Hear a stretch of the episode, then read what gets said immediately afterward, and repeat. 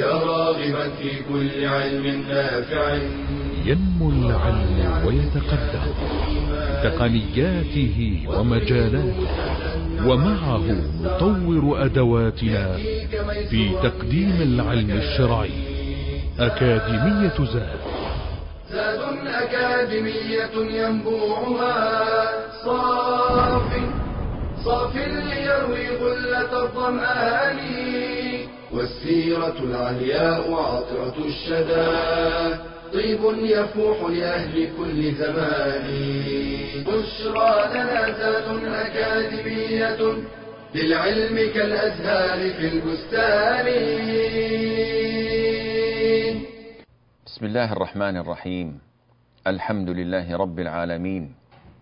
والصلاة والسلام على المبعوث رحمة للعالمين. نبينا محمد وعلى آله وصحبه أجمعين. أما بعد السلام عليكم ورحمة الله وبركاته. استكمالا لما تقدم معنا في الدرس الماضي فالنبي صلى الله عليه وآله وسلم كان يحب من أصحابه أبا بكر عمر وعثمان. فأبو بكر رضي الله عنه وأرضاه أول من أسلم من الرجال.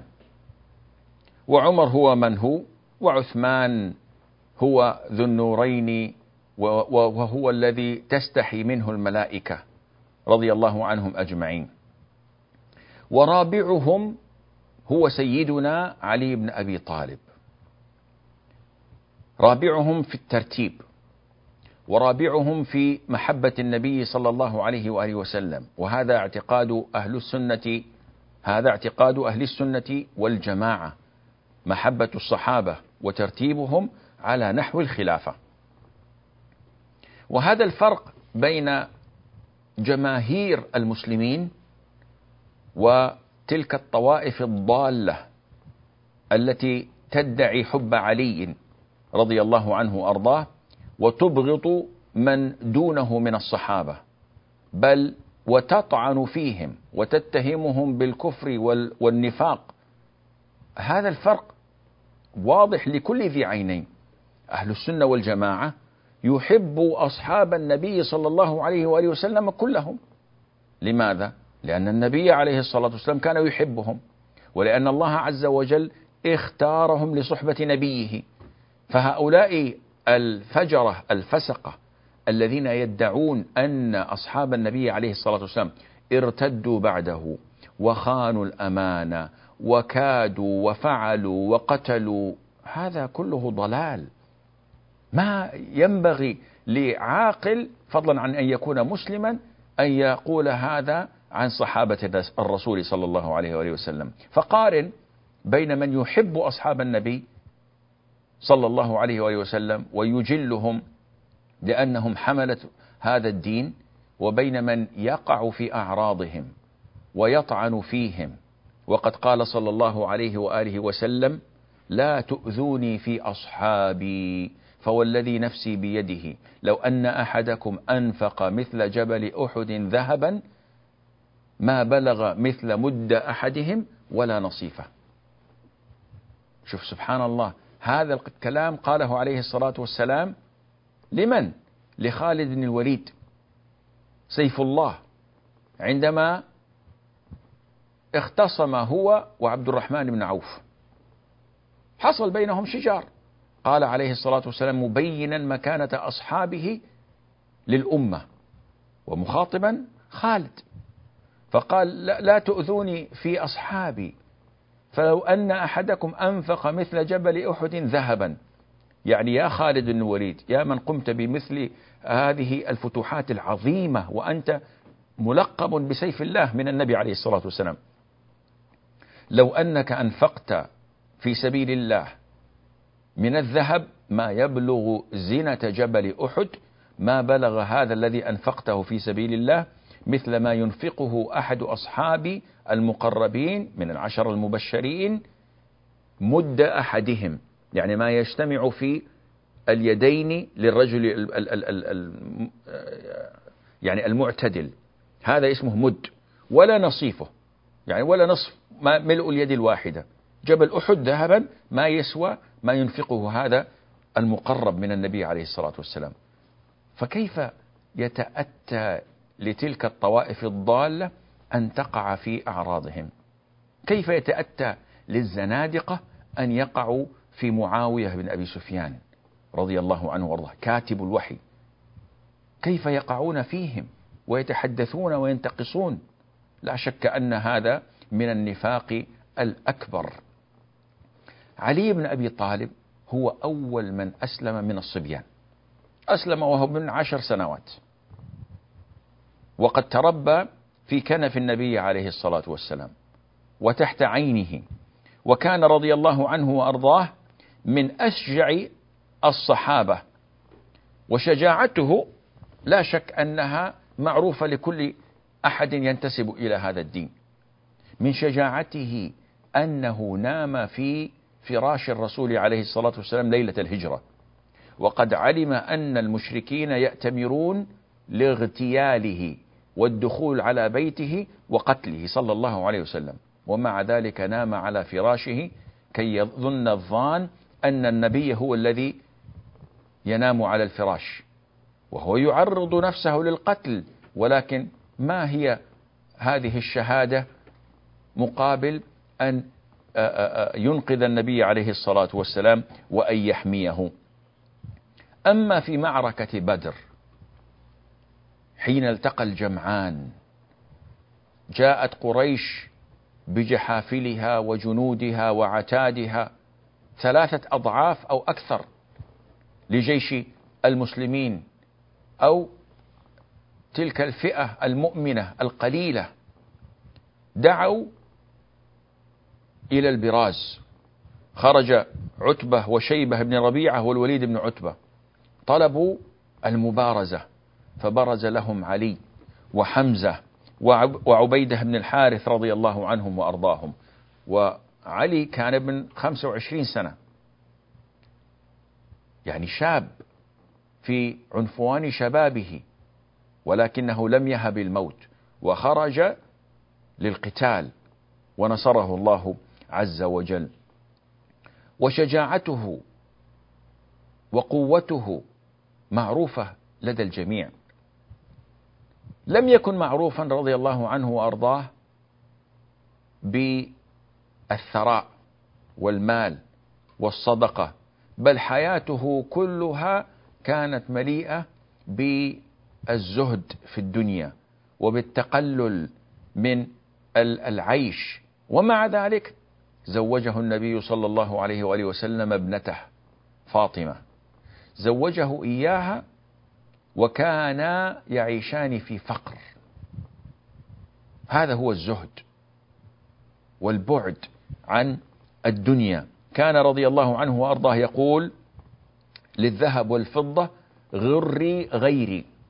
يتحدث مع الذهب والفضة مع أنه أوتي الخلافة. يعني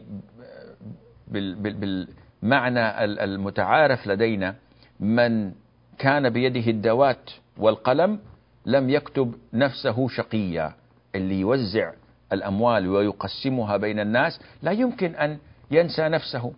ومع ذلك عندما كان منصب الخليفة له وهو خليفة المسلمين بإمكانه أن يشتري القصور والدور والمال والذهب والفضة كان يقول للذهب والفضة غري غيري.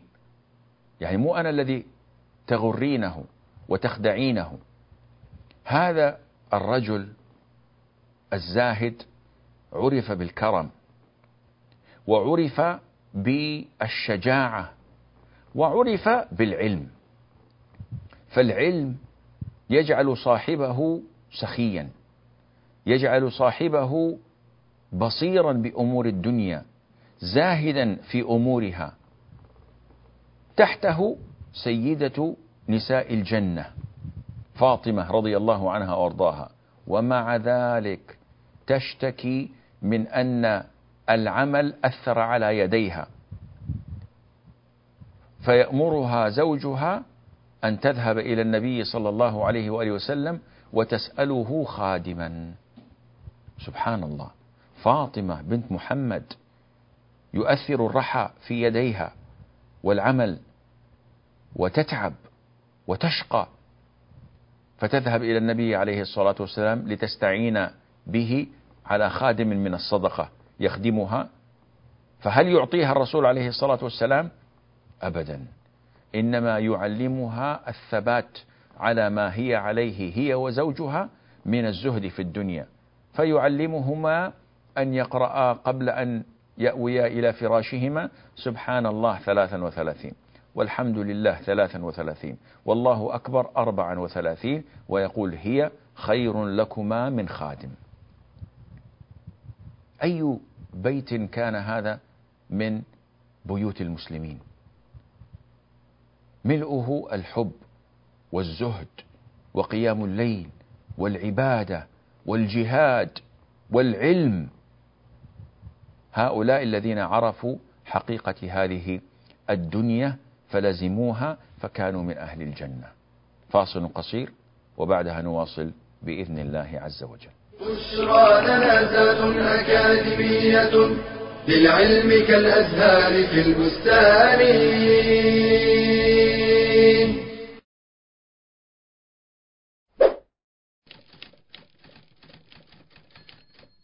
للمرأة في الإسلام أحكام تشريعية تختص بها رعاية لها وصيانة وتكريما لا تضييقا عليها ولا تصغيرا لشأنها. فالمرأة لا تزوج نفسها وإنما يزوجها وليها. قال النبي صلى الله عليه وسلم لا نكاح إلا بولي. وفي هذا مراعاة لحيائها فإن مباشرتها عقد الزواج بنفسها يخدش هذا الحياء. وربما تحملها طبيعتها العاطفية على اختيار غير الكفء فتقع في ورطة يصعب انفكاكها منها. أما الولي فكونه رجلا يجعله أعرف بأخلاق الرجال ومكامن قوتهم وضعفهم وكونه أبا أو أخا يجعله أجدر في رعاية مصلحتها وكرامتها. وفي السفر ربما تعرضت المرأة للمفاجآت من مشقة أو اعتداء أو حاجة فلا تجد من يهتم لأمرها دون مطمع. فشرع الإسلام ألا تسافر المرأة إلا مع زوج أو محرم يعتني بها ويقوم بشأنها. فقال النبي صلى الله عليه وسلم لا تسافر المرأة إلا مع ذي محرم. ومحرم المرأة كل ذكر تحرم عليه تحريما مؤبدا بقرابة أو رضاع أو مصاهرة كالأخ وأبي الزوج. وأما زوج الأخت فليس بمحرم لأن تحريمه مؤقت. ويشترط أن يكون المحرم بالغا عاقلا. إن كل منصف تأمل هذه الأحكام وغيرها يجد فيها الرحمة والعناية بالمرأة وصيانتها من عبث العابثين. وصدق الله إذ يقول ألا يعلم من خلق وهو اللطيف الخبير. بشرى لنا أكاديمية للعلم كالأزهار في البستان. السلام عليكم ورحمة الله وبركاته. علي بن أبي طالب رضي الله عنه وأرضاه كان ممن يحبهم الله عز وجل ويحبهم رسوله صلى الله عليه وآله وسلم.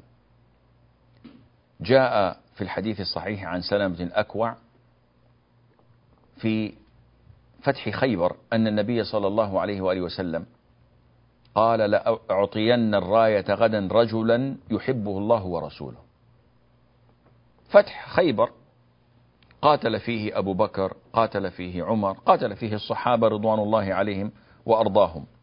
فجعل الناس يخوضون في ليلتهم تلك. من هذا الرجل الذي يحبه الله ورسوله وسوف يعطيه الرسول عليه الصلاة والسلام الراية لقتال اليهود؟ طبعا هذا شرف كل يتمنى أن يناله.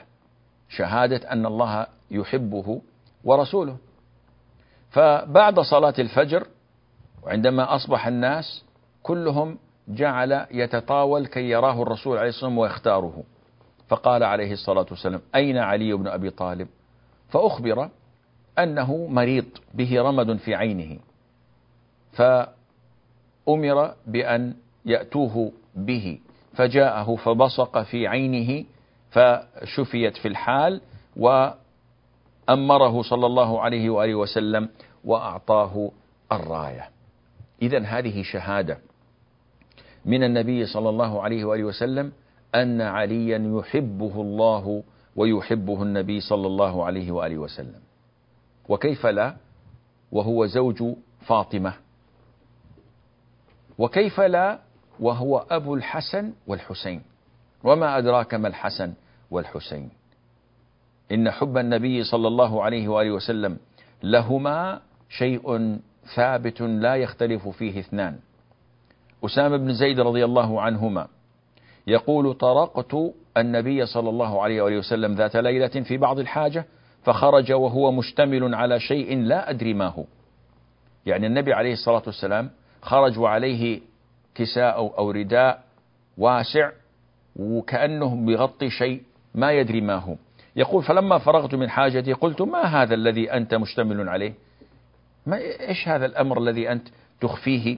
فكشفه فإذا حسن وحسين على وريكيه صلى الله عليه وسلم فقال هذان ابناي وابنا ابنتي اللهم إني أحبهما فأحبهما وأحب من يحبهما. لا إله إلا الله. هل يوجد من أهل السنة والجماعة هل يوجد مسلم يبغض الحسن والحسين؟ لا والله. لا يوجد مسلم لا يحبهما. كيف؟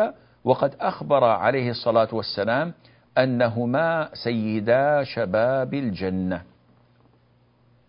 كيف؟ وهما ريحانتا الجنة رضي الله عنهما وأرضاهما. أبو هريرة يقول خرجت مع النبي صلى الله عليه وآله وسلم في طائفة من النهار. لا يكلمني ولا أكلمه. يعني خرجنا في عمل في آه، مشوار ولا يتحدث إلي ولا أحدثه عليه الصلاة والسلام. أنا أصاحبه وأنا عبد مأمور. إن تحدث معي أو كلمني فعلت ذلك ورددت عليه وإلا فمكانته أعظم من أني أبتدئه الكلام وأتحدث معه من غير سبب. يقول حتى جاء سوق بني قينقاع. ثم جاء خباء فاطمة فقال أثم لكع؟ اللكع هو الصغير يسأل عن الحسن. أثم لكع؟ وين الولد؟ وين الحفيدي؟ فلم يلبث أن جاء يسعى. فاطمة تأخرت رضي الله عنها وأرضاها حتى تهيئه وتزينه وتطيبه وتلبسه. طفل صغير ثلاث سنوات أربع سنوات يقول فلم يلبث أن جاء يسعى. الطفل الصغير هذا ولد الولد من أحب الأمور إلى القلب. جاء يسعى يعني يتعثر حتى اعتنق كل واحد منهما صاحبه. فقال عليه الصلاة والسلام اللهم إني أحبه فأحبه واحبب من يحبه. شوف سبحان الله دعاء عظيم. يقول أبو هريرة رضي الله عنه فما كان أحد أحب إلي من الحسن بن علي بعدما قال عليه الصلاة والسلام ما قال.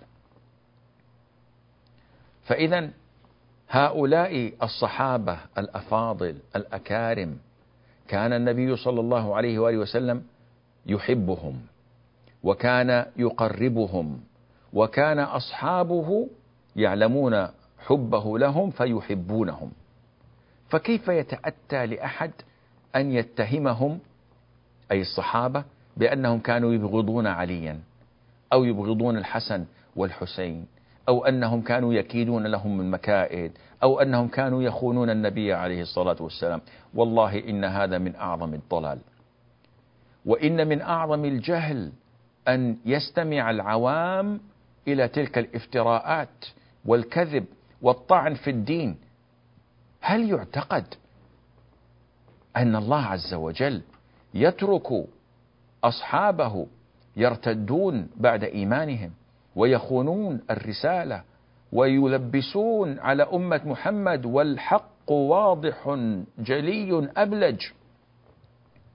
الدين واضح لكل من لديه عينان. ما فيه خلاف لكن تلك الطوائف الضالة انظروا إلى أصولهم. انظروا إلى ما قامت عليه. ما قامت إلا على الانتقام والبغض والحقد. الانتقام ممن؟ ممن يزعمون أنه قتل الحسين. طيب من قتله؟ لعنة الله على من قتله. وأعان على قتله. هذا لا شك فيه عند أهل الإسلام. ومن الذي يريدون أن يحقدوا ويبغضوا؟ وهو من أصول دينهم؟ كل من ليس من طوائفهم الضالة. فهم يحقدون ويبغضون أهل السنة والجماعة. ونحن كمسلمين نشعر بالحزن والأسى والأسف من أولئك الذين فرقوا دينهم وكانوا شيعا. لو انتقلنا إلى من كان يحبهم النبي صلى الله عليه وآله وسلم من زوجاته. لوجدنا أنه كان يحب خديجة وعائشة رضي الله عنهما. فمن هي خديجة؟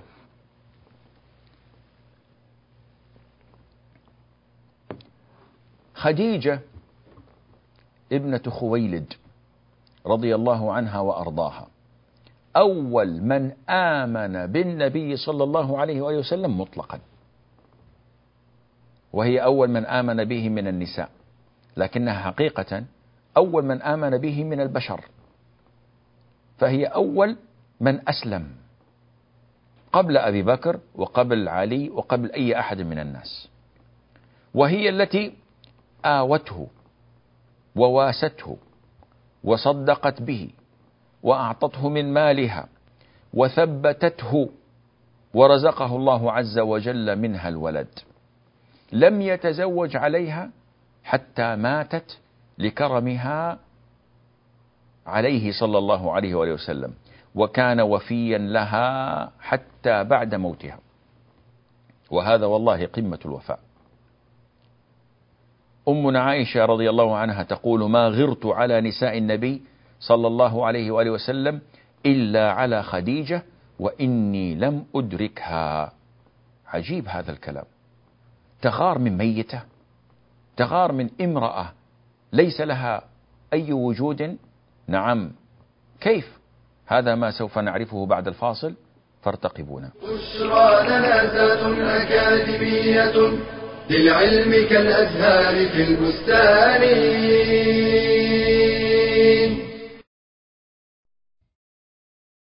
وظائف وأعمال شاشات وألعاب. أشغال كثيرة مهمة وغير مهمة. فكيف نطلب العلم في زحمة الانشغالات؟ أما الأشغال الباطلة والمحرمة كالأفلام والمسلسلات فيجب الإقلاع عنها فورا. وبذلك يتوفر وقت طويل لطلب العلم. والقناعة توفر الوقت المبذول في تحصيل النفقات الترفيهية. فيمكن إغلاق المحل يوما في الأسبوع مثلا وتخصيصه لطلب العلم. ويمكن التناوب مع زميل على طلب العلم فيحضر أحدكما حين يغيب الآخر ثم تتبادلان المعلومات كما كان يفعل عمر بن الخطاب وجاره الأنصاري ويمكن استغلال وقت المواصلات ذهابا وايابا في القراءة والسماع وكذلك وقت الفراغ أثناء العمل وأيام الإجازات. واستفد بالتكنولوجيا الحديثة كالإنترنت والهواتف الذكية والالتحاق بالتعليم المفتوح مثل منصة زادي. وعلى الأغنياء كفالة بعض النابهين وتفريغهم لطلب العلم. وفي الحديث من جهز غازيا في سبيل الله فقد غزا فعمن للآخرة يكفك الله هم الدنيا. قال صلى الله عليه وسلم. من كانت الآخرة همة جعل الله غناه في قلبه وجمع له شمله وأتته الدنيا وهي راغمة.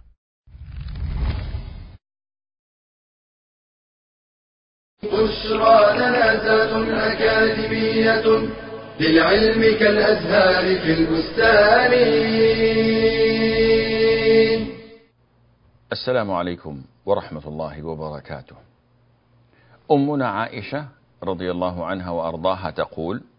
ما غرت على نساء النبي صلى الله عليه وآله وسلم إلا على خديجة. وإني لم أدركها. كان رسول الله صلى الله عليه وآله وسلم إذا ذبح شاة يقول أرسل بها إلى أصدق أصدقاء خديجة. يعني سبحان الله بعد موتها بسنوات والرسول عليه الصلاة والسلام يتعاهد صويحبات خديجة بالصدقة والإحسان. وهذا من البر. هذا من الوفاء. فتقول فأغضبته يوما. فقلت خديجة تقول وربما قلت له كأنه لم يكن في الدنيا امرأة إلا خديجة. فقال صلى الله عليه وآله وسلم إني قد رزقت حبها. رواه البخاري ومسلم. يعني أمنا عائشة تغار من خديجة. لماذا؟ لأن الرسول عليه الصلاة والسلام عاش معها دهرا من الزمن. أول امرأة يتزوجها ولم يتزوج عليها في حياتها وهي قد واسته وآمنت به وثبته الله تعالى بكلامها. فوالله لا يخزيك الله أبدا فإنك تصل المعدوم وتكسب الكل وتفعل وتفعل وتفعل. هذه المرأة الصالحة يقول عليه الصلاة والسلام أن جبريل أتاه فقال يا رسول الله هذه خديجة قد أتتك ومعها إناء فيه إدام أو طعام أو شراب فإذا هي أتتك فقرأ عليها السلام من ربها ومني وبشرها ببيت في الجنة من قصب لا صخب فيه ولا نصب. بشارة إلى خديجة ببيت من لؤلؤة مجوفة في الجنة. لا صخب فيه ولا نصب يعني لا إزعاج لا ضجيج ولا نصب أي لا عمل ولا تعب. قال بعض أهل العلم هذا لأنها كانت رضي الله عنها وأرضاها تهيئ بيتا للنبي صلى الله عليه وآله وسلم. إذا دخله لم يسمع فيه أي نوع من الصخب أو الضجيج. ولم يتعب فيه بعمل أو يقم فيه بجهد بل كانت هي تكفيه هي تخدمه هي تقوم بحاجاته كلها فكان كالملك كالملك معززا مكرما صلى الله عليه وسلم. والجزاء من جنس العمل. هذا الحب الذي كان في قلب الرسول عليه الصلاة والسلام كان لخديجة لأنها كانت السابقة إلى الإسلام ولنصرتها له صلى الله عليه وسلم في بداية الدعوة لدين الله عز وجل. إذا خديجة لا شك في حب النبي صلى الله عليه وآله وسلم لها. لكن هنالك امرأة أخرى من زوجاته وهي أمنا عائشة. طيب هل كان يحب عائشة؟ الله أكبر. إن من حبه لعائشة وما جاء في فضلها ما جعل العلماء يختلفون أيهم أحب إلى النبي عليه الصلاة والسلام أمنا خديجة أم أمنا عائشة؟ عائشة هذه أمرها عجيب. النبي صلى الله عليه وآله وسلم قال لها ذات يوم أريتك في المنام مرتين.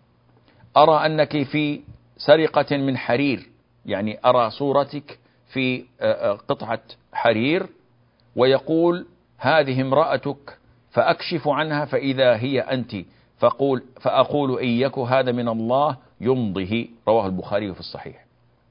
إذا النبي عليه الصلاة والسلام أري في المنام أنه يتزوج عائشة وعائشة كان لها من المحبة في قلب النبي عليه الصلاة والسلام ما لم يكن الرسول عليه الصلاة والسلام يخفيه.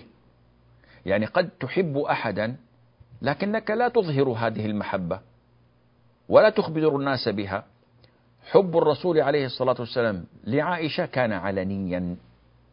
ولذلك في حديث عمرو بن العاص الذي تقدم معنا في الدرس الماضي عندما سأله أي الناس أحب إليك؟ قال عائشة. شوف ما بدأ بأبي بكر ما بدأ بعمر أو بأحد إنما أول ما بدأ بهم كان عائشة. ويقول ابن القيم أنها كانت من أحب أزواجه إليه حتى أن مسروق رضي الله عنه أو رحمه الله كان مسروق يسميها حبيبة النبي أو حبيبة رسول رب العالمين. فمكانة عائشة لدى النبي عليه الصلاة والسلام معلومة للجميع حتى أن زوجات النبي عليه الصلاة والسلام كن يبعثن فاطمة ويطلبها يطلبن منها أن تطلب من النبي صلى الله عليه وسلم أن يتقي الله عز وجل في ابنة الصديق. لأنهم كانوا يشعرون بأن الرسول يحبها أكثر منهن لكن النبي عليه الصلاة والسلام لم يكن أبدا ليظلم أحدا من نسائه. نعم حبه في قلبه ولكنه كان أعدل الناس وكان لا يظلم أحدا أو كان لم يكن يجر في الحكم والقضية مع زوجاته صلى الله عليه وآله وسلم. لكن حبه, حبه لهم لم يكن يعدل حبه لعائشة. ولذلك عروة بن الزبير رحمه الله ورضي الله عن أبيه يقول أن النبي صلى الله عليه وسلم لما كان في مرضه جعل يدور بين نسائه حتى في مرضه شوف العدل كان يدور بين نسائه كل امرأة لها ليلتها وهو مريض ينقل نقلا إلى بيت زوجته لكنه كان يسأل أين أنا غدا؟ أين أنا غدا؟ حرصا على بيت عائشة. فلما كان يومي تقول أمنا عائشة سكن. أي لم يسأل أين أنا غدا. فاستأذنت زوجات النبي عليه الصلاة والسلام طلبا لراحته أن يمرض في بيتها فأذن لذلك أو أن النبي هو الذي استأذنهم آه، صلى الله عليه وآله وسلم. ولا شك أن مكانة أمنا عائشة مكانة عجيبة عند النبي صلى الله عليه وآله وسلم. فمن خصائصها أنها كانت من أحب الناس إلى نبينا عليه الصلاة والسلام. ومن خصائصها أنه لم يتزوج بكرا غيرها. ومن خصائصها أنه كان ينزل الوحي عليه وهو في لحافها ولم ينزل في لحاف غيرها. ومن خصائصها أنه عندما أمر الرسول عليه الصلاة والسلام بتخيير نسائه بين البقاء معه أو أن يمتعهن ويسرحهن بدأ بها وخيرها ومن خصائصها أنه لما رماها المنافقون في حادثة الإفك برأها الله من فوق سبع سماوات. ولا أدري كيف يدعي وينتسب إلى الإسلام هؤلاء الرافضة الذين يقعون فيها ويتهمونها بالزنا. وقد برأها الله في سورة النور. يعني حتى القرآن ما سلم من طعنهم وتكذيبهم.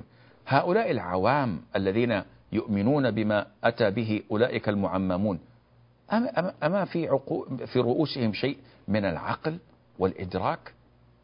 هذه التي برأها الله من سبع من فوق سبع سماوات ويطعنون فيها خصائصها أن كبار الصحابة إذا أشكل عليهم أمر من الأمور في الفتاوى جاءوها واستفتوها ووجدوا عندها علما من النبي صلى الله عليه وآله وسلم. من خصائصها كما تقول أن النبي صلى الله عليه وآله وسلم توفي في بيتي وفي يومي وبين سحري ونحري وآخر ما ذاق من الدنيا ريقها رضي الله عنها وأرضاها. ذلك وأنه لأنه في اللحظات الأخيرة دخل عبد الرحمن بن أبي بكر وفي يده يعني مسواك أو جريدة رطبة فكأن الرسول عليه الصلاة والسلام نظر إليها واشتهاها فأخذته ولينته بريقها وبأسنانها حتى لأن ثم جعل الرسول عليه الصلاة والسلام يتسوك بها أفضل ما كان مستنا. ولذلك العلماء حاولوا أن يفاضلوا أيهما أفضل خديجة أم عائشة أم فاطمة؟